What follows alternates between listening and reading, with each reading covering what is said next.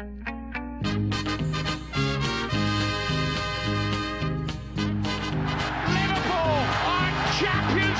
hallå! Oh. varmt välkomna tillbaka till LFC-podden. Det är eh, måndag, det är ny vecka och eh, vi har match mot Chelsea som alldeles strax står för dörren och eh, tyvärr så är det ju med ett väldigt, väldigt tungt facit, en väldigt tung, lite dryg vecka bakom oss. Vi eh, hade ju eh, Premier League-smällen mot eh, Swansea som delar av den här panelen var och besökte och fick uppleva live. Och sen så följde vi tyvärr upp resten av efterföljande vecka där med tunga förluster. Först en ytterligare förlust mot Southampton som betydde 0-2 totalt. Uttåg ur ligacup Cupen i semifinal som kunde annars blivit en drömfinal mot Manchester United på Wembley. Och eh, sen såklart skrällmässigt den absolut största smällen då om än med ett lite reservbetonat lag, eh, förlustmatchen mot Wolves hemma på Anfield som också gör att FA-cupen numera är ett minne blott. Vi eh, har helt enkelt väldigt mycket att snacka om och Fredrik Eidefors, eh, du, eh, du sitter redo. Jag har eh, blivit bekväm i rollen nu. Nu är det många veckor på raken på dig. Jajamän. Det, jag vet inte om det gick bättre när jag inte var med, men ja, vi får se om, om det blir ett mönster. Annars får jag väl hålla mig på avstånd i så fall. Men eh, nej, nu har det blivit lite och det är skönt att kunna få prata ut sig lite efter, ja, som du nämnde, den, den underbara veckan. Ja, ja precis. Just, eh, just idag i detta, det var väl nästan som vi tänkte ju spela in eh, igår då, söndag, men dels var det väl kanske lite svårt att styra upp det, men det, man märkte också när vi snackade lite att kanske för mycket känslor fortfarande bubblade. Kalle, du och jag var på eh, Anfield för nu drygt tio dagar sedan och så det som tyvärr då blev början på en nästan historiskt usel period. Hur, hur mår man just nu? Um, ja, inget vidare. Um, det var ju ingen höjda match vi fick se där, men ändå är det väl en av de bättre av de senaste tre och det säger väl en hel del. Mm. Och jag har ju fortfarande inte förlåtit dig för att du lovade mig att uh, Swansea åtminstone inte skulle kunna göra mål som du sa i halvtidspausen när vi gick ner och tog en öl. Ja, jag lyckas ju säga det. Det såg så ut i första halvlek åtminstone, men sen hann man snabbt, knappt uh, sätta sig ner så var det 2-0 i baken. Så att jag, får, jag får ta den lite. Ja, äh, fy fan. Som ni hör alltså är det ehm, undertecknad Robin Bylund, Fredrik Eidefors och eh, Kalle Sundqvist som ehm, ska snacka igenom det som varit, eh, sätta sikte lite på det som komma skall såklart och försöka kanske någonstans också ta tempen på vart den här säsongen eh, nu kan vara på väg. Vi gör det såklart som vanligt i eh, samarbete tillsammans med eh, LFC.nu, den svenska officiella supporterklubben. Och eh, är ni inte medlemmar där så se till att bli det. Det kan ju knappt finnas ett noblare tillfälle att bli betalande medlem till Liverpools svenska supporterklubb. Ni kommer aldrig kunna beskyllas för att vara medgångssupportrar åtminstone. Så in där, signa upp er och ta del av de förmånerna som finns. Men eh, Kalle, vi, vi börjar någonstans där, där du och jag då slutade senast. Då stod vi och var extremt besvikna över den här eh, förlusten mot Swansea. Vi har följt upp det med uttåg ur båda kupperna. Först förlust mot Southampton. Något som man kanske också kände, det kan ju åtminstone inte bli förlust, men det blev det ju faktiskt och, och chansmässigt kanske helt rättvist. Och sen den här extrema smällen mot Wolverhampton. Vi, vi ska inte gå så jättedjupt kanske i detalj kring matcherna nu utan det är ju trots allt, det är trots allt historiskt dåligt som jag säger. Skulle det bli en fjärde förlust så är det första gången sedan 1923 Liverpool förlorar fyra raka hemmamatcher. Men eh, vad, vad, är det fundamentala felet i eh, Liverpool Football Club januari 2017? Ja, det är nog inte bara en sak. Eh, det känns som att framförallt oförmågan att göra mål. Det var där vi vann våra flesta matcher i början på säsongen. Vi gjorde 3-4 mål per match. Och när vi vann så gjorde vi det storartat med dunder och brak. Nu har vi fallit tillbaka till att knappt göra några mål och är nästan sämre än någonsin defensivt. kan jag känna i vissa fall. Så att eh, ja, det blåser inte positiva vindar. Sen att vi har varit utan Mané och Coutinho delvis fram och tillbaka nu är väl också en bidragande orsak. Mm.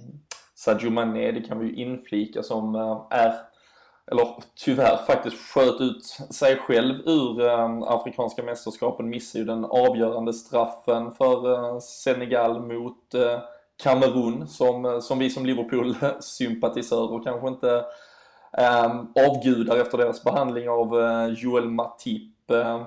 Nu är han tillbaka Fredrik här, eh, vi ska bara kort ner, men kan vi skylla, är det liksom sådana här detaljer som en individuell spelare, att Coutinho var lite borta, är, är, det, är det så lätt, tror du, det som är ett så pass stort fel och problem just nu? Eh, ja, alltså det är ju, eh, vi har ju inte många alltså världsklasspelare i, i truppen och är de två av de mest absolut eh, största stjärnorna borta så kommer vi ju absolut att ha det svårt att eh, spela lika bra och vara lika farliga som vi var innan. Och jag menar ju på att alla lag i topplaget hade, varit eh, hade försvagats och kanske haft svårare att göra mål om eh, deras två bästa spelare i offensiven har varit borta. Men jag tycker att det blir lite väl tydligt när de inte har varit med hur, vad vi saknar i, i den här truppen och i den här startelvan egentligen. Och det, Eh, även fast de är tillbaka så är det inget som säger att vi ska hoppa på det tåget som var när vi slog Watford med 6-1 och Hall med 5-1 och allt sånt där. Så att det, men det, nej, vi saknar en hel del av de där typerna och det har varit väldigt tydligt sedan de har eh, varit borta båda två. Mm. Samtidigt kan jag känna att den här äh, mentaliteten lite grann som vi har sett nu på slutet, den negativa mentaliteten, den har man ju sett i Liverpool i jättemånga år nu mm. oavsett vilka spelare och vilken manager vi har haft. Så det, det känns nästan lite som att Liverpool är det enda laget, ja, man ska kanske dra något av de andra topplagen med i det där också, som faller ner i de här djupa dalarna delvis. Um, och det har vi gjort i många år. Jag vet inte vad som är felet med det heller. Men jag tycker en grej är just det här med att när folk säger att det sitter i väggarna. Liksom, i, man, man, kan ju prata alla sporter egentligen. Men, och jag har alltid tyckt att nej, men det är skitsnack. Det, det stämmer inte. Det är nya spelare som kommer och går hela tiden. Men du har faktiskt en poäng i det du säger. Det känns som att det aldrig riktigt försvinner riktigt. Eh, utan det, det sitter kvar där och jag vet inte riktigt vad man ska göra om inte Robin har någon eh, lösning på hur man ska få bort detta. vill, vill man vara, det, det, faller ju sig tyvärr dessutom så extremt hemskt så att eh, de här tre raka hemmaförlusterna har ju kommit med start dagen efter Liverpool gick ut med att Steven Gerrard kom tillbaka till klubben. Så jag vet inte, antingen sitter det i väggarna eller så är det han som är smittobäraren. Men eh, det är såklart att eh, och kanske parodisera lite över eh, faktumet men, men, men det är ju någonting. Jag, jag har många gånger pratat om den här mentala spärren och går vi tillbaka till onsdagens match mot Southampton så var det alltså den, den sjätte semifinalen vi var framme vid sedan vi senast vann en titel, ligacupen 2012. Men vi har ju sedan 2012 inte lyckats nå hela vägen fram, det vill säga att när det när vi spelar lite utan press, när vi inte har liksom den här förväntningen på oss kanske att vinna. Vi går ofta in i en säsong också kanske som lite underdogs. Så, så trivs vi ganska bra. Speciellt när vi liksom får det att klicka lite och det börjar snackas om att liksom, oj, alltså att nästan att vi på något sätt att vi är ett buggy-team och att vi är de som liksom är den här lilla uppstickaren.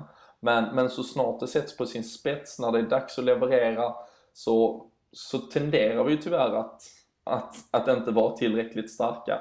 Och eh, självklart är det en mix av att vi, vi kanske inte har den där absolut yppersta kvaliteten som, som vi önskar. Framförallt att vi inte har den på bredden. Men, eh, men det är såklart också något eh, mentalt och, och tyvärr är det ju det, liksom, det här det negativa föder ju mer negativt när, när du vet att du plötsligt inte ens och där, därför tror jag också när vi går in i de här stormatcherna som, som många har pratat om, därför där spelar, det är liksom en det är liksom den matchen. Det är, det är liksom inte mer än så. Det är liksom, det är bara att gå in och köra just i ligaspelet. Men när det blir att matchen så betyder så extremt mycket, då, ehm, då, då är det något mentalt som låser sig och ehm, det är såklart ett, ett, ett väldigt, väldigt stort problem, något som, som måste adresseras och måste lösas. Men eh, sen tycker jag också, som du nämner där Fredrik, du var inne på det, att, liksom, att man då, liksom det här fina spelet sen eh, Watford-vinsten och andra matcher under hösten, det visar ju också att, att, att vi kanske har haft en övertro till vår trupp. Nu är det såklart extremt att ställa sig inför faktumet att spela nio matcher i januari som det kommer sluta med att vi har gjort. Medan vi sen nu ska gå in och spela tre matcher i februari, tre matcher i mars. Där kan vi kanske egentligen tycka och tänka lite kring hur FA och hur det engelska ligaspelet läggs upp. Men, eh, men det visar också att när vi behöver rotera så, så är vår trupp inte tillräckligt stark. Och eh, jag tänkte vi ska, vi ska lyssna på vad Klopp sa efter matchen mot Wolverhampton åtminstone. Och eh, så snackar vi vidare lite på det här ämnet alldeles strax. I'm responsible for the lineup. Eh? Not, uh, I can't. I, it's not allowed, um, as I understand it, to blame now a single players and say, um, okay, you didn't do that, you didn't do this. Yes, of course, I you, you see players playing, and then uh, you think um, you learn a lot about players in situations uh, in situations like this too. But um, it's my responsibility, you know. Ja, Kalle. Du, uh, vi hör att Klopp pratar alltså om uh, att uh, han inte riktigt vill lägga skulden på spelarna. Det är trots allt han som har gjort valet. Han trodde att det här laget, de här spelarna skulle kunna göra jobbet och vara tillräckligt bra. Ehm, när vi pratar om liksom Liverpools problem, är det, är det en spelarfråga, alltså liksom kompetensfråga eller eh, kan man vara så cynisk och säga att det bara sitter i väggarna? Ja, och kompetensmässigt vet jag inte. Vi har ju sett vad vad vissa spelare kan uträtta. Sen går ju, det är klart att formmässigt går det ju perioder också, men eh, vet inte hur mycket man ska ta på det här, det sitter i väggarna, men samtidigt så har man sett det så många gånger nu i så många år från så många olika lag. Så att eh, jag tror att man måste väga in både och där faktiskt. Eh, underprestationer från spelare samtidigt som att det, det, är någonting speciellt med det där som precis som du var inne på, när det väl gäller så räcker vi inte hela vägen. Um, Sen att Klopp är ute och försvarar spelarna, det är väl lite, lite hans jobb till viss del. Det är den vägen Mourinho har gått under alla år i stort sett. Alltid försvarat spelarna och sagt att det är hans fel och han är ytterst ansvarig. Så att det, det tycker jag tillhör hans jobb. Det säger inte så mycket egentligen samtidigt som man ska kunna kritisera spelarna också. Ehm, det kan behövas. Mm. Ja, lite, lite längre fram ska vi, ska vi lyssna på någon som kanske inte heller helt uh, köpte vad, vad Jörgen Klopp sa där. Men eh, Fredrik, jag vet, eh, nu, nu, ska jag inte strö några salt i, i på så, men jag vet ju att eh, du har lite familjerelationer till Arsenal till exempel. Så jag tänkte vi, eh, och den ligger liksom lite upplagd. Det är ett Arsenal som alltså gick in också i FA-cupen nu och vann med 5-0 borta mot Southampton. De roterar ut egentligen hela sitt lag. Det är egentligen Mustafi Bellerin skulle man påstå som är liksom helt, helt ordinarie. De har kvar i startelvan. Men då är det alltså spelare som, som Walcott, Chamberlain och så vidare, Perez med flera, Danny Welbeck. Liksom, har Liverpool, när vi nu ändå tittar liksom nyktert objektivt på, har vi liksom en trupp som är kapabel, alltså fixar vi liksom att slåss på så många fronter som vi, som vi liksom ändå försökte detta året och som vi såklart ännu mer kommer försöka om vi, om vi har ett Europaspel som vi verkligen nu hoppas på nästa säsong.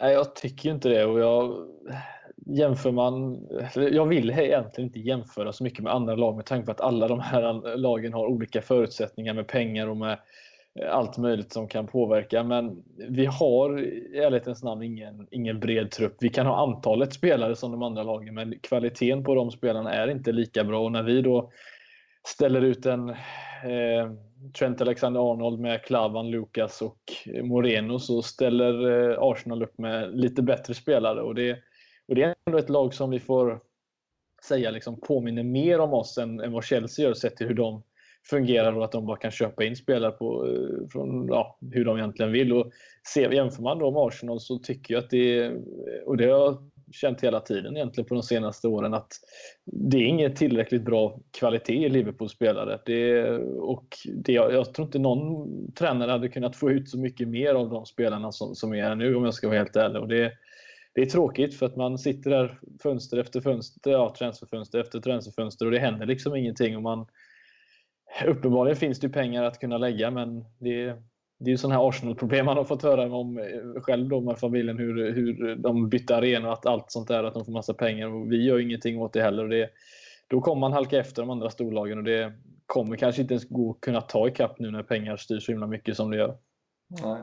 Jag läste uh, alltid det intressanta, det är inte alltid man uh, håller med, men uh, Paul Tompkins, Tompkins Times, som, som skrev just på ämnet där med liksom truppbyggnad och, och han, eh, är ganska, han är ganska försvarande till, till Liverpools prestationer, det är han ganska ofta, men, men han undersöker där, vi hade inget Europaspel och därför gick vi kanske in, då gick vi in med en ganska tunn trupp. Sen kan man väl påstå att vi har gått in med en tunn trupp i ett par Europaspel också.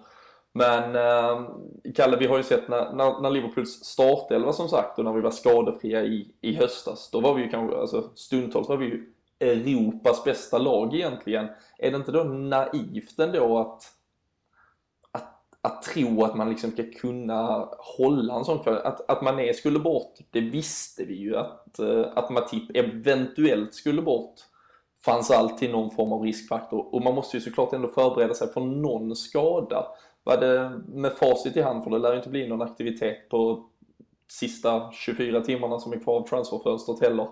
Var det, var det naivt att liksom gå in i den här viktiga, vi har nämnt det, nio matcher, alltså så här extremt viktig månad och så gå in och tro att det här bara skulle lösa sig, att, att det inte fanns någon plan B?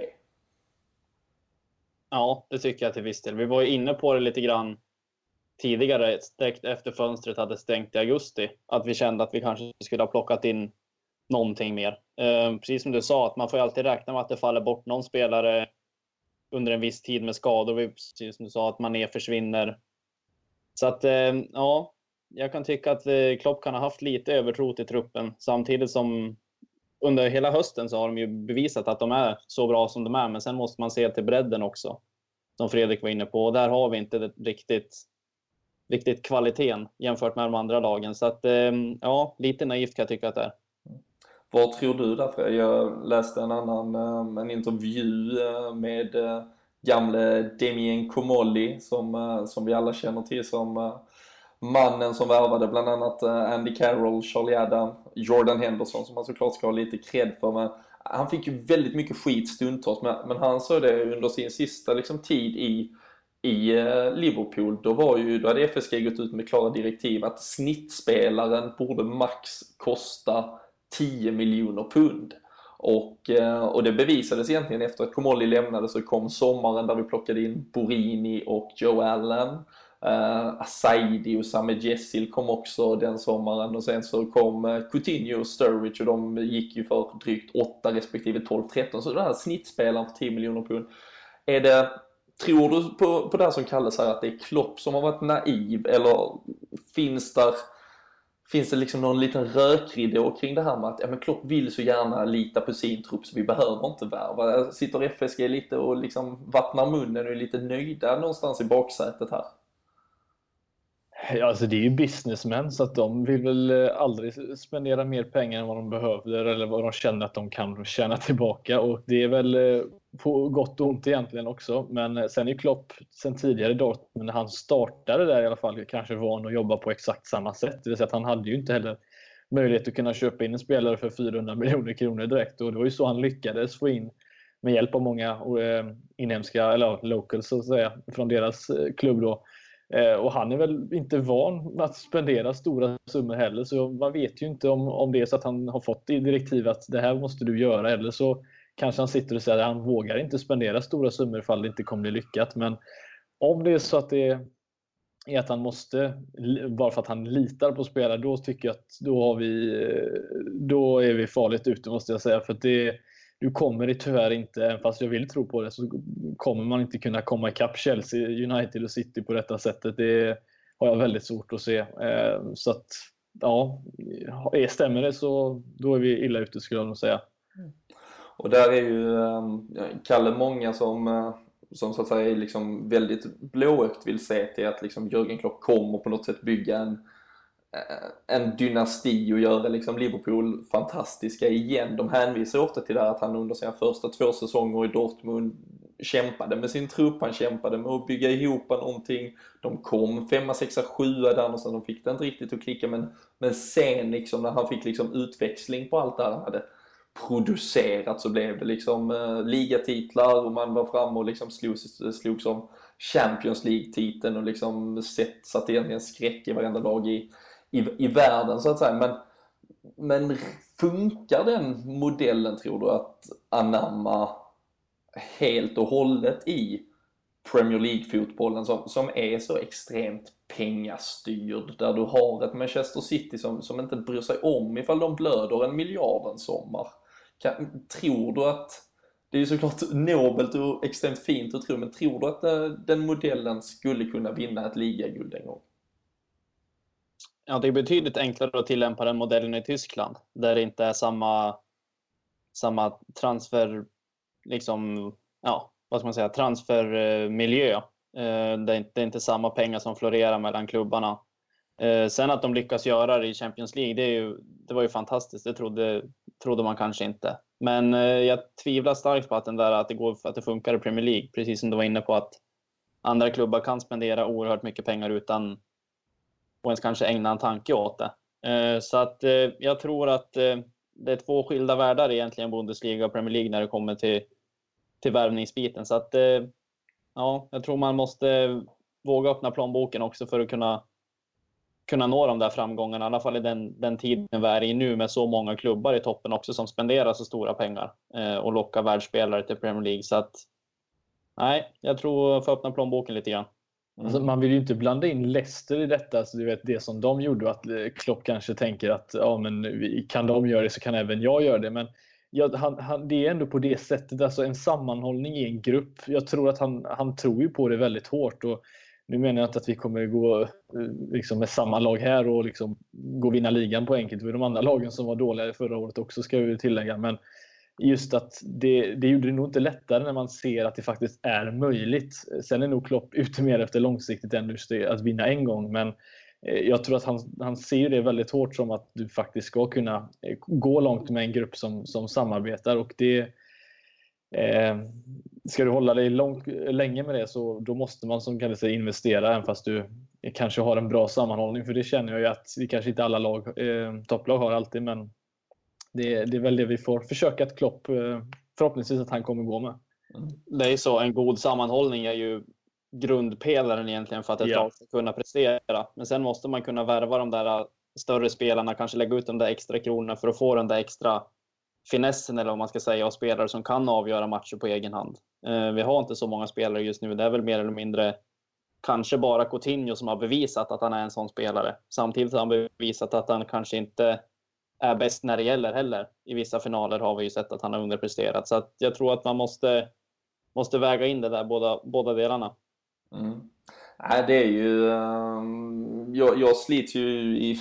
man slits mellan hopp och förtvivlan hela tiden. Och, men jag tycker väl ändå kanske när man, när man summerar liksom Liverpool idag och säsongen fram till nu så, så blir det ju ganska tydligt att egentligen alltså Jörgen Klopp har gjort ett fantastiskt jobb med, med det som han kanske i ärlighetens namn verkligen tror på, det vill säga den startelvan han en gång satte det laget och de spelarna, 13, 14, 15 stycken som verkligen är det som förhoppningsvis kommer att vara Liverpools framtid.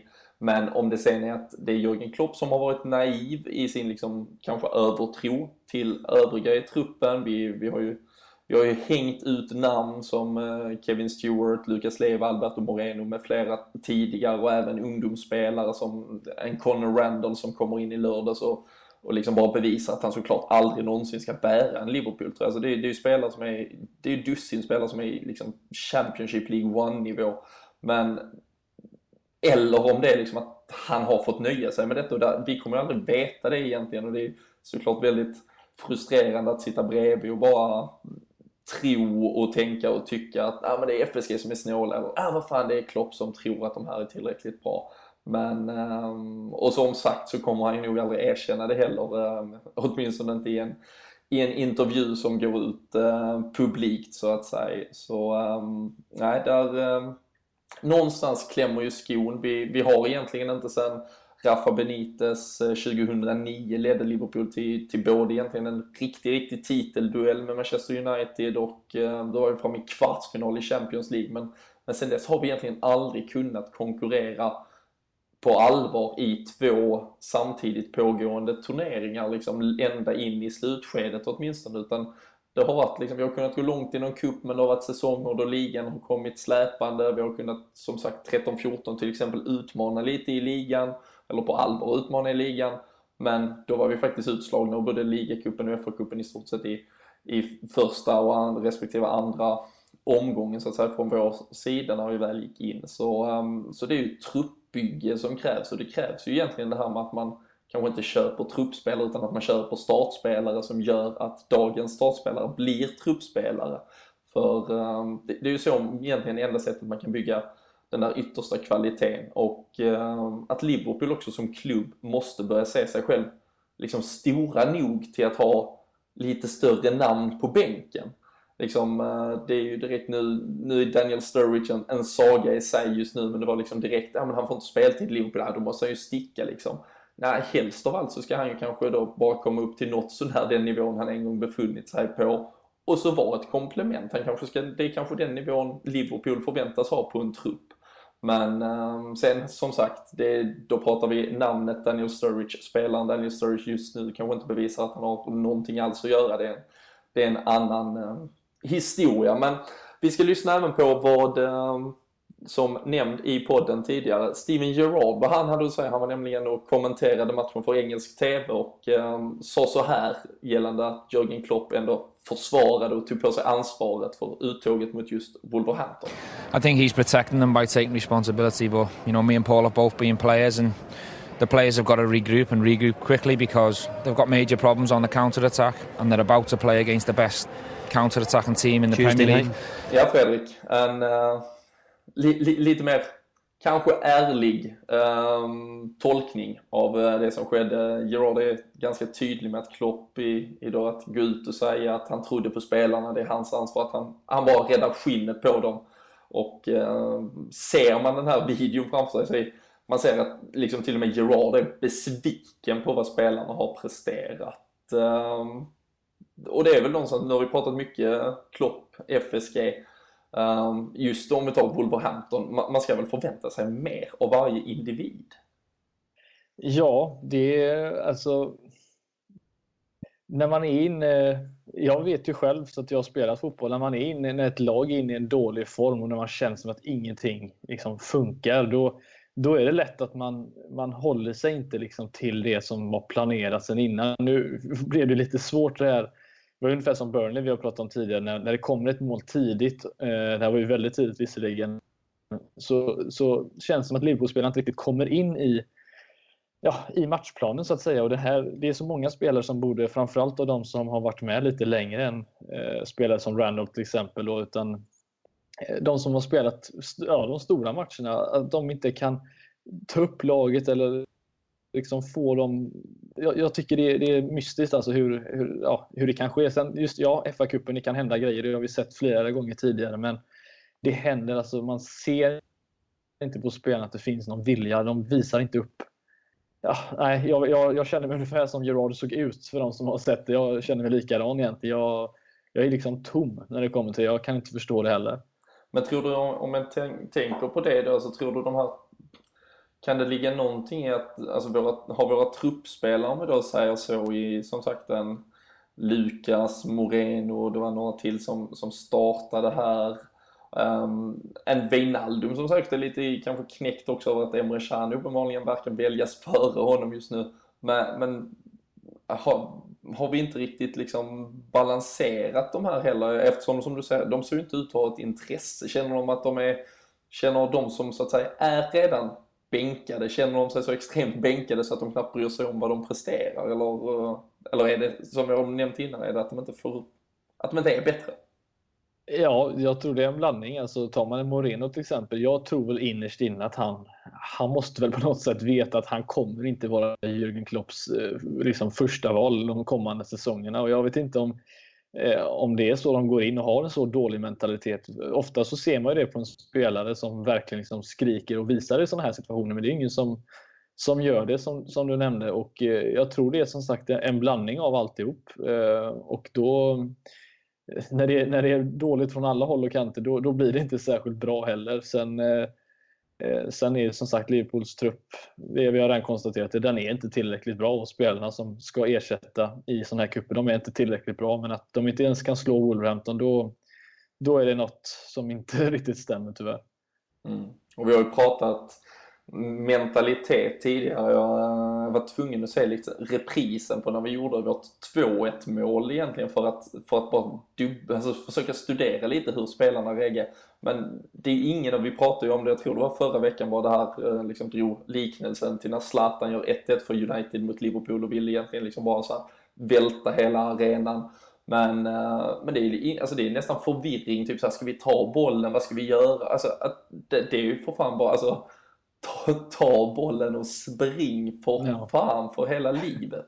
Men, eh, nej och, och, som sagt om det är, om det är liksom en ren, att, att man är lite, det verkar som att många spelare är väldigt förvirrade i deras, deras del i laget, deras betydelse för laget, deras framtid i klubben kanske. Och som sagt, så då, det, det krävs egentligen i dagens Liverpool att vi, att vi lirar det här liksom bästa laget för att det verkligen ska ska ticka fläckfritt och eh, det, det, känns ju ganska bekymmersamt när eh, det som sagt är en, det är en lång säsong och om man vill vara framgångsrik och, och än längre ska det ju såklart kunna bli om man har ett Europaspel eh, också. Så, eh, så sommaren om inte annat lär ju eh, verkligen bli intressant. Ehm, Kalle, vi jag har ju konstaterat kanske att det är ett, alltså, ett stort problem på många håll och kanter men, men om vi tittar på planen så, så är det ju väldigt signifikativt konstant egentligen att det, det är samma sätt som vi är dåliga offensivt, det vill säga att vi bara spelar runt boll, att vi inte riktigt hittar idéer, vi har en riktig lösning och eh, vi straffas på, på kontringarna egentligen och, och där, om man säger så, sen är det då kvalitetsskillnad på övriga delar av spelet så är det ju så har vi egentligen ett konstant problem. Och, och där är det ju kanske Jörgen Klopp däremot som är ansvarig. Men vad är det som krävs här? För det sa ju Paul Lambert också, Wolverhampton-tränaren efter matchen, att alla lag vet nu att det är så här man ska spela mot Liverpool. Och det är ju riktigt farligt. Ja, komiskt nog blir vi ju straffade på, på samma sätt som vi försöker straffa andra lag på kontringar. Eh, men sen är det ju som du säger, vi har haft samma problem lika där jättelänge nu, att när lag sätter sig defensivt och vi, vi ska styra spelet, då har vi ju uppenbara problem. Eh, sen har vi inte kommit fram till någon lösning än hur vi ska låsa upp de där försvaren, så att det är ju en miljonfråga. Um, jag vet faktiskt inte var, vart problemet ligger egentligen. Det, det är så många andra lag som, som lyckas låsa upp de här försvaren, för när ett ett bottenlag i Premier League eller kanske ett Championship-lag i cuperna möter de här bättre lagen så faller det sig ofta naturligt att de, att de faller tillbaka lite grann och försöker, försöker försvara. Ehm, känslan är att det Liverpool mer än något annat topplag kanske som har det här problemet och har haft under längre tid. Men som jag sa tidigare, jag vet inte var, vart lösningen ligger heller. Så att, uh, nej, jag vet inte.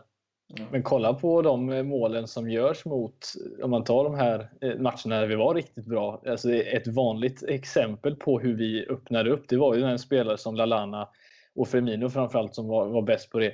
Ehm, de gjorde egentligen inga svåra grejer, men små löpningar in bakom, vare sig du blir offside eller inte. Alltså bara ställer lite frågor. Som sagt, alltså, gör bara en löpning. De, de måste antingen hänga med eller så får du bollen. Visst, du kanske blir offside första gången, andra gången kanske du inte blir det. Men det finns ingen som hotar liksom bakom, eh, bakom försvararna. Och det, det, är ett svårt, eh, det är som sagt svårt att öppna upp något som står så kompakt. Men då får man ju slå in bollen till någon som står i boxen. Men även där har vi ett problem. Det är att ingen står där inne.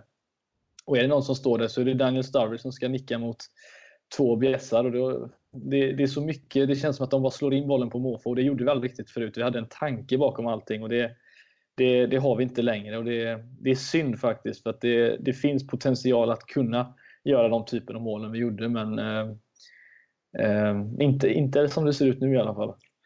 Många, gånger kan jag även, många gånger kan jag även känna att när det är så där låst och man, som det är nu, att vi kommer inte igenom, ta ett skott, vad som helst, dra på en stenhård tackling, väck publiken och få igång det här som Klopp så många gånger tjatar om att publiken måste stötta laget, men i grund och botten är det ju publiken som måste, eller laget som måste väcka publiken. Mm. Sen eh, har vi det läget också att de gångerna vi väl tar avslut så är det ju otroligt bleka skott. många gånger som är I dåliga situationer också. Ja, vid, vid fel tillfälle och det är plockpotatis för målvakterna. Så att det, ja. Ja, nej det är, det, det är mycket som är problematiskt och, och problemet är också, det känns som att vi, vi kan konstatera, för vi märkte ju även att när vi, när vi gjorde en del mål i, eh, i höstas så, så, så var ju försvaret kanske inte, det var inte fantastiskt bra och rent, rent defensivt sett så, så har det ju inte klickat helt och hållet. Och nu när vi inte försvarar offensivt om man säger så, som vi, som vi gjorde så extremt på, som vi förhoppningsvis kommer kunna göra när vi är tillbaka med den här, om vi ska kalla den då, den ordinarie elvan. Och, och det är ju ganska intressant att de här Mané, Coutinho, Lalana, Firmino, de har ju inte startat sedan den där eh, 6-1 vinsten mot Watford i, jag tror det var 5 november. Och, eh, och det gör ju också att vi blir liksom allt, där, där känns det, tycker jag i alla fall, som att väldigt mycket brister. För det var egentligen den anfallslinjen, om man får kalla det, var ju liksom både vårt bästa offensiva hot, men det var ju också det som styrde hela vårt försvarsspel egentligen. Att vi, att vi låg så rätt där, att vi, att vi var så snabba tillbaka, vi stressade, vi störde så att de tvingades skicka bollar som inte kunde utmynna i särskilt mycket farligt. Det var ju främst fasta situationer bland annat som vi straffades på på där egentligen och inte, och inte på samma sätt åtminstone de här spelvändningarna. För, för idag egentligen när offensiven inte vinner tillbaka några bollar så har vi tyvärr en försvarslinje som blir extremt straffad och när de står lite, lite för högt upp framförallt så är det inte mycket fart i den backlinjen heller för att försvara sig, inte ens då mot ett lag som Wolverhampton. Och eh, sen exakt vad vad, de, vad man sysslar med egentligen, eh, Joe Gomez klavan på, på målet eh, här. Om vi tittar mot Wolverhampton eh, till exempel, den kontringen. Det, det, är, alltså det, är så, det är så dåligt också, det är liksom fundamentala fel på många ställen. Men, men, men det visar ändå att vi direkt det sätts fart mot oss så, så är vi väldigt det, det, vi är väldigt lätta att straffa för motståndarna. Och och nu, nu Fredrik så, så väntar Chelsea här i, imorgon eller tisdag, alltså kanske idag för er som sitter och lyssnar. Men, eh, men det är ju ett lag som, om vi inte får så att säga vårt offensiva försvar att fungera utan de kan vinna boll och ställa om och göra det, det som Wolverhampton till och med lyckades med, då, då kan vi ju bli rejält straffade. Ja, det är verkligen inget eh Alltså, man kan nästan tro att Chelsea skulle kunna ställa upp på samma sätt så som Wolverhampton kom, eh, gjorde senast. Och det, det, är väl det man nästan förväntar sig med bara att det är tusen gånger bättre spelare vi, vi möter. De kommer nog straffa oss på samma sätt om inte mer som sagt. Eh, nu vet jag inte hur det är med, med Klein till exempel. Han känns som att den speeden behöver vi sett till hur, hur lätt vi blir kontrade på. Men ett problem som jag har märkt, och jag vet inte om det är rätt sätt att gå, men jag tycker att det känns som att det är alltid, och kommer vi tillbaka till Arsenal, det som de är bra på i och med att de ofta också håller i bollen eh, i långa anfall som vi har eh, haft nu. Det är just när, när du åker på eh, kontringen så, så är vi antingen för långt ner eller för långt upp. Det finns inget mellanläge riktigt och kollar man på 2-0 målet som Wolverhampton gör så är det ju liksom, vad kan det vara, 100 meter mellan anfalls och mittfältarna och försvararna. Och då är det, alltså det är för mycket yta. Det är bättre att stänga, försöka stänga av den ytan i alla fall. Eller inte vara så långt upp från början med anfallarna. Det, det, är för, det är för stort avstånd mellan och där kommer ju en, en Hazard och en William och Pedro kommer ju äta upp oss om, om det skulle bli så. Jag hoppas verkligen inte att vi försvarar lika dåligt som, som vi gjorde nu för då kommer det rassla in några bollar bakom oss. Det mm, verkar inte som att Ragnar Klavan helt hade varit med på liksom, uh, genomgången innan match. Han tog ungefär 48 meter djup i stort sett mot, uh, mot övriga ja. på, för att förenkla uh, lite för sina motståndare. Men, nej, men det är ju såklart ett vi, där, där, finns ju såklart stora problem här och eh, som sagt vi har nämnt Sadio Mané är ju alltså utslagen ur Afrikanska mästerskapen. Han har flugits hem i eh, privatjet. Det är ju det, är det som gäller nu för tiden. Och eh, ska väl eh, typ exakt i, i detta nu som vi sitter här måndag kväll egentligen landa på Merseyside och eh, Klopp sa på dagens presskonferens att han kommer titta honom i ögonen och fråga om han verkligen är redo att vara med. Sen om det skulle betyda att något så chockerande som att han skulle starta eller åtminstone återfinnas på bänken, det får vi såklart avvakta och se. Och eh, Roberto Firmino som egentligen skulle upp i rättegång här under tisdagen eh, på grund av eh, de tråkigheterna kring jul som han eh, ställde till med så, eh, så har ju den också blivit flyttad till på onsdag. Så, så nu har vi ju då med, eh, med egentligen enda reservationen här Kalle för, för Sadio Manés ja, status så att säga. Han var också väldigt, väldigt knäckt efter den där straffmissen i lördags kväll. Men um, inget kuppspel, inget annat, inga störningsmoment.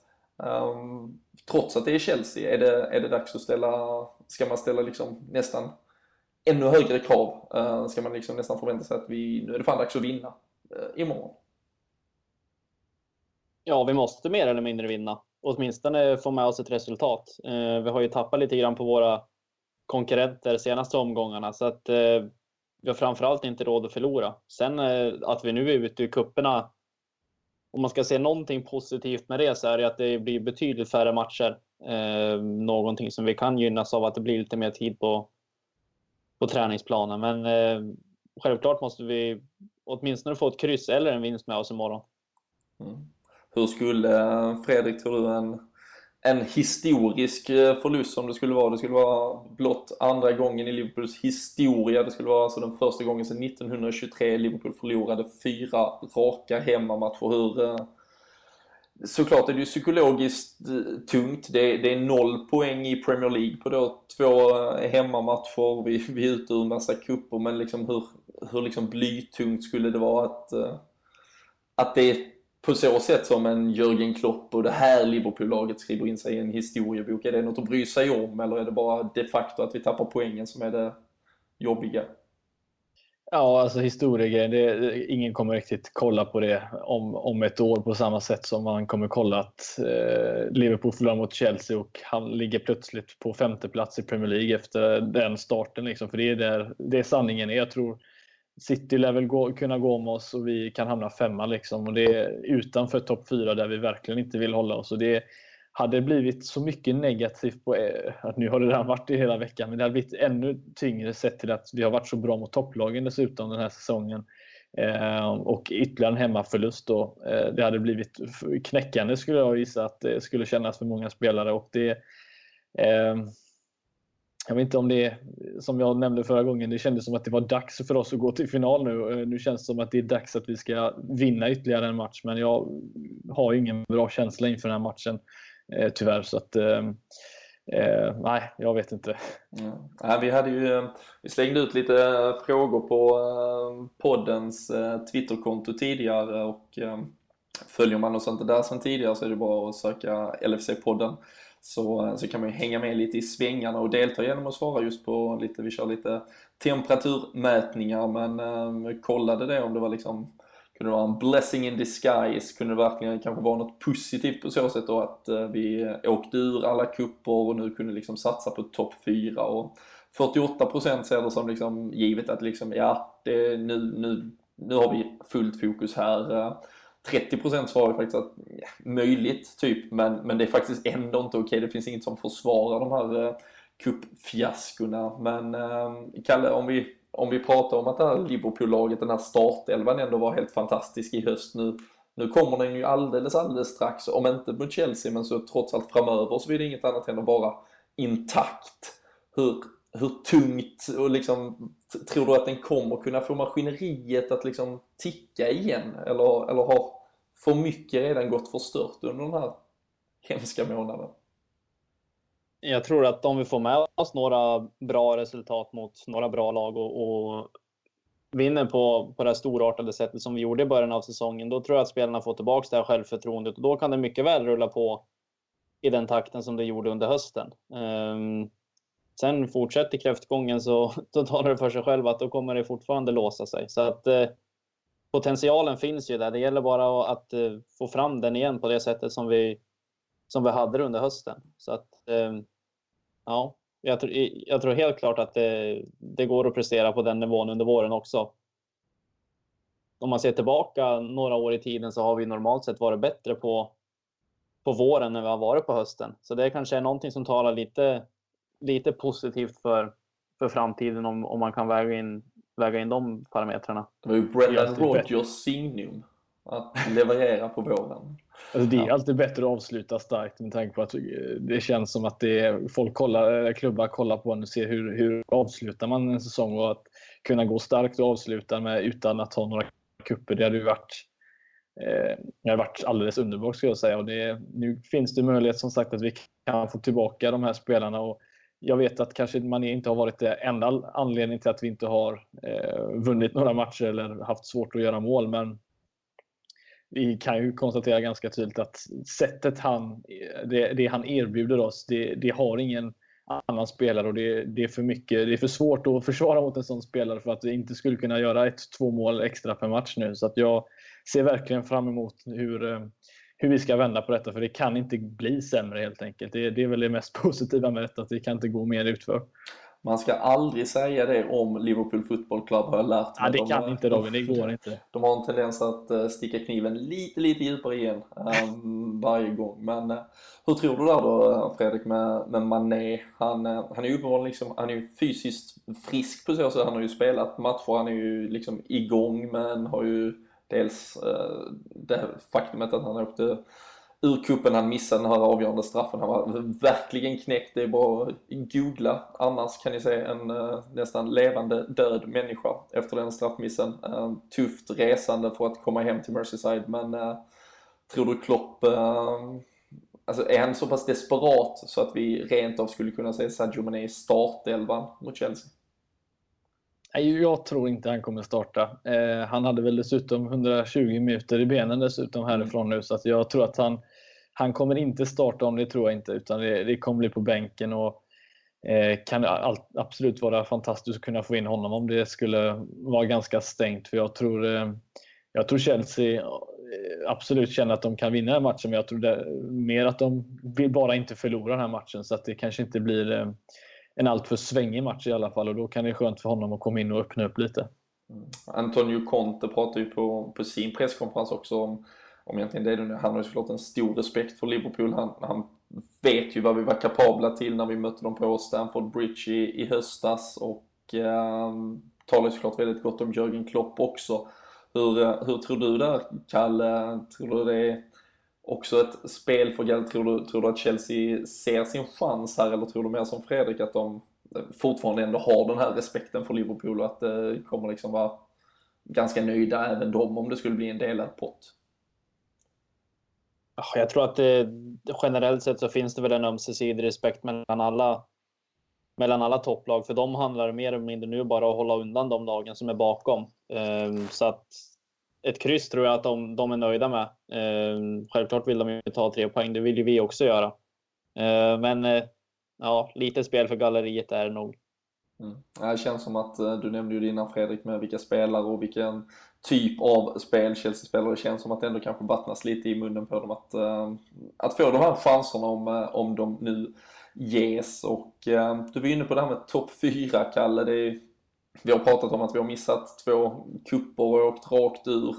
På så sätt, det skulle ju kunna, vill man hårdra det, så skulle det kunna vara topp 4 på något sätt som ryker här mitt i veckan också om, eh, om nu liksom City United trummar på om alla visar styrka så, så har vi ju en extrem uppförsbacke.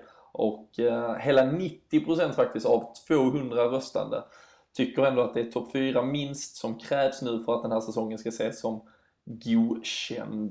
Du har ju varit skeptisk eh, innan den här kräftgången. Hur, eh, hur skeptisk är du till det just nu, att vi, att vi faktiskt kommer att fixa det? Eller har du fått förnyat mod efter att vi nu inte har något annat än just ligan att fokusera på?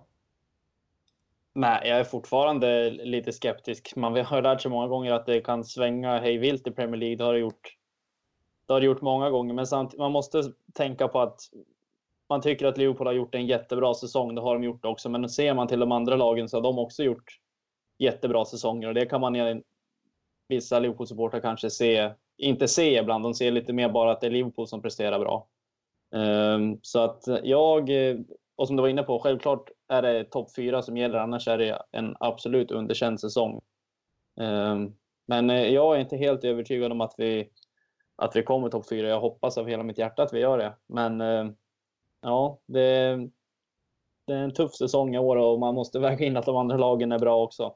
Så att eh, jag ska inte säga att jag tror att vi missar topp 4, men risken finns. Mm.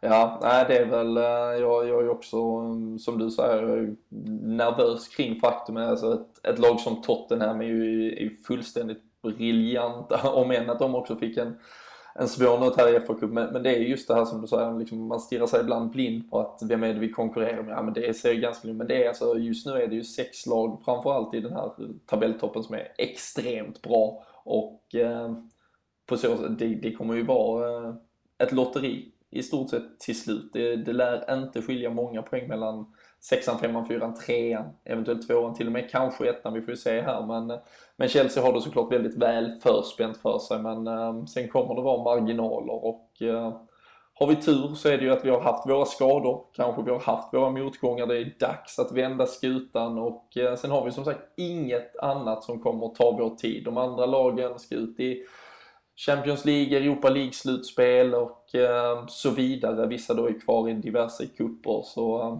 vi kommer att ha ett mindre matchande och vi kommer inte ha mycket kvar att klaga på i alla fall utan nu, nu måste vi verkligen eh, ta chansen känns det som.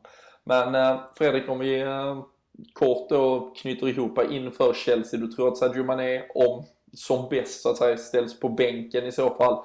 Vad, vad får vi se? Vi har ju ett ganska ordinarie lag i övrigt. Om vi pratar Mignolet väl, som har väl blivit ligamålvakt, tror vi. Eh, Nathaniel Klein, Dejan Lovren, Joel Matip, Milner. Vi har Henderson, vi har eh, Coutinho, vi har Lalana, vi har Firmino. Sen är det ju det här Chan, Wijnaldum, är det båda de två eller är det någon annan? För det är ju ingen som riktigt har tagit chansen här och, och, och liksom förtjänar en startelvaplats känns det som. Nej, jag tror det blir de två. Eh, jag tror att Lalana kommer få Eh, spela där uppe. Även fast jag absolut hade kunnat tänka mig nu, eh, trots allt, att se en Origi komma in av en anledning. Och det är på det sättet som Tottenham faktiskt tog vara på och slog Chelsea. Eh, sett till att de ut, ja, utnyttjade höjden, och, eller, ja, den icke-höjden som fanns på det, i deras försvarsspel eh, och lyckades göra två nickmål mot dem. Eh, så att jag hade definitivt kunnat se Origi komma in just för den anledningen. Men nu vet jag att Klopp aldrig lyssnar på mig så att det blir väl Lalana där uppe och så blir det väl då Wijnaldum och Chan som alla, båda får spela. Mm. Ja, för det var ju ganska intressant. Det är ju, vi får ju en, en eh, hemvändare i form av eh, Victor Moses eh, som, som var på lån hos oss just från Chelsea under den där fina 13-14 säsongen. Han är ju numera väldigt ordinarie och välpresterande i det här eh, Antonio Contes eh, 3-4-3 uppställning. Eh, men det som du refererade till det var ju det här Tottenham gjorde. De satte ju väldigt mycket press i luften mot den här, deras högersida som flankeras av Aspilicueta i trebackslinjen och så då Victor Moses som ska falla ner och inte är kanske helt sugen på försvarsarbetet. Och Divock Origi där skulle ju framförallt också ge oss fördelen av att Firmino kommer till sin rätta centralt, vilket han kanske i och för sig lär göra oavsett spelare just nu eftersom Daniel Sturridge inte lär vara aktuell. Men också det här att Adam Lallana kommer ner på sitt mittfält där han har varit väldigt, väldigt mycket bättre än vad han tyvärr har varit de här senaste veckorna där han har fått vikariera lite överallt. Så um, jag är beredd att hålla med om att uh, han ska kanske få, få chansen, man ska våga prova. Men, uh, men i övrigt, Kalle, så känns det ju som att så, som sagt, vi är egentligen tillbaka på den här ruta 1 som vi satt i, i höstas och bara, ja men det är de som ska spela. Nu, nu är det inte så mycket att laborera med. Nej. Eh, som jag fattar, jag vet inte om jag är lite ute och cyklar här kanske, men som jag fattar det så är Klein inte redo eh, enligt Klopp att lira. Okay. Eh, så eh, där får vi se vem som spelar där. Kanske Trent Alexander-Arnold, jag vet inte. Men det återstår att se. Han, han spelade tydligen på enormt starka smärtstillande den här matchen när han spelade. Han har ju brutit revben eller någonting. Mm. Um, men sen om man ska se till mittfältet, jag vet inte. på Med Chelseas offensiva styrkor så kanske man skulle spela både Henderson, Chan och Wijnaldum. Samtidigt tycker jag inte att det funkar så jättebra när alla de tre spelar, spelar tillsammans. Eller det blir för mycket likadant om man säger. Så att jag, jag skulle kunna tänka mig att man rent av kanske petar Chan Eh, och spela som ni var inne på, att Origi kanske får kliva in och Lalana ner på, ner på mittfältet. som vi kanske ska gratulera också, som idag blivit utsedd till Englands bästa spelare 2016 i landslaget. Mm. Och väldigt fint i intervjun poängterade 2016 var ett uselt år för engelsk fotboll. Så äh, han, äh, han skräder inte på orden liksom för att hylla sig själv så mycket liksom. Men äh, nej, nej, det var väl han, eh, den, den översattes ganska dåligt tror jag, men eh, det var, det var lite komiskt att se. Men det, nej såklart, men han var ju fantastisk under långa stunder 2016 så det, det förtjänar han för både prestationer i, i Liverpool men även i landslaget där eh, Big Sams enda målskytt under sin sejour som landslagstränare bland annat. Men ja, du har helt rätt vad gäller Klein, Kalle. Det var, det var slarvigt att bara spatsera vidare kring den där startelvan. Men eh, Conor Randall har ju spelat bort sig, enligt mig i alla fall. Så eh, vad tror ni där? Det lär väl bli Alexander Arnold. Får man chansen mot United borta lär man väl vara redo få chansen när som helst, Fredrik? Ja, och han möter ju Ja, jag trodde det skulle bli svårt mot... Ja, jag tänkte säga det. Har man det svårt mot Martial så lär man ju inte få det lättare mot eh, kanske efter Messi den bästa dribblen när det kommer till att hålla bollen nära fötterna. Så ja, han kommer få det väldigt kämpigt för att jag utgår från att jag har svårt att se någon annan skulle komma in. Jag tror definitivt att han inte kommer göra det som jag trodde han skulle göra mot United, det vill säga att sätta in eh, Moreno som vänster och Minner som höger. Utan han litar nog definitivt inte på Moreno. Och, eh, så det lär väl bli Trent på den eh, imorgon. Ett egentligen fullständigt men Emre Can, Fredrik, han har ju spelat högerback för tyska landslaget. Ja, eh, när det kommer att försvara så litar jag nog nästan mer på Moreno faktiskt. Jag, just nu så känns det som att Can bara ger bort eh, Ja, för det gjorde han ju mot Wolverhampton också. Eh, han, han, har ibland kan vi säga lyckats med fina glidtacklingar i, i, svåra situationer, men ibland så ska han bara inte lägga sig och slänga sig och glidtackla för då, så att, nej, jag skulle inte vilja se honom där tyvärr, men jag har sett honom göra det tidigare. Ja. Mm. Vi, eh, ja, vi får eh, såklart eh, se vad det blir. Håll utkik. LFC.nu finns ju, vårt Twitterkonto finns. Vi håller er uppdaterade vad som, vad som händer här. Men Kalle, du otröstlig pessimist vad gäller topp 4 men annars uh, brukar du vara en obotlig optimist vad gäller att uh, tippa att vi ändå vinner varenda jävla match ju. Så hur, hur, hur kluven är du inför Chelsea? Vad, vad tror vi? Ja, långsiktigt brukar jag tro att det går åt helvete men oavsett när man sitter inför varje match så tror jag att vi vinner. Men uh, Chelsea imorgon 1-1. På gränsen till optimistiskt ändå kanske. Vi får se. Han var tvungen att väga lite både och där. Fredrik, hur är din känsla? Eh, 2-1 Liverpool. Där kommer han, var tvungen att smyga in det. Men äh, ja, nej, men jag, jag lägger ett, eh, mitt tipp med hjärnan är 2-1 Chelsea. Äh, hjärtat äh, säger att Nej, det säger fan också 2 Chelsea. Jag är förstörd. jag, jag vågar inte tro på något annat. Men, eh, men, men framförallt, jag, jag är beredd, för första gången på kanske väldigt, väldigt länge är jag beredd att ta en förlust om vi får se kanske 30-35 minuter med Sadio Mané och att vi får se att det där som vi ändå vill ska vara vårt lag för våren funkar. Att de ställer till med något roligt, att man ser att spelglädjen kommer tillbaka, att vi börjar se ett Liverpool som tickar lite igen. För, eh, för det har varit den största plågan hela det här januari. Det har varit att det har varit så jävla statiskt, tråkigt, intetsägande. Så att man hade kunnat ställa ut vilka jävla spelare som helst till att försvara mot oss. För det har inte varit någon som har visat ett engagemang. Och det vill jag i alla fall se mot Chelsea. Jag vill se att kanske, som du nämnde Kalle, lite tacklingar, lite jävlar anamma, lite engagemang. Får vi se det så kan jag nästan, nästan svälja vilken typ av resultat och utgång som helst här. För, för vi är ju uppenbarligen inte på topp i övrigt. Men eh, får vi inte se det, ja då, då, är det, då är det bara resultat som räknas och då får, jag, får vi hoppas på något mirakel. Men eh, tyvärr, jag tror nog att vi eh, får det tufft mot Chelsea. De, de, är egentligen exakt vad vi inte vill möta imorgon tror jag och eh, därav 2-1. Men eh, hoppas jag har fel och att vi får anledning att eh, skratta åt det eh, framöver. Ehm, vi, vi hinner tyvärr inte köra någon tävling med Sam Dodds. Eh, vi hoppades kunna göra det men det blir för tight med tid. Men när vi snart nu går in i en period där vi matchar bara en gång i veckan, knappt det, som sagt tre matcher i februari, tre i mars, så blir det såklart tävlingar, det blir ett större mm, avsnitt och eh, allt möjligt. Vi, eh, vi får också vila lite nu efter en intensiv period. Så, eh, men eh, håller uppdaterade på vad som händer, håll tummarna för Liverpool imorgon tisdag och så hörs vi och ses vi i, eh, på Twitter till exempel. Ha det gott!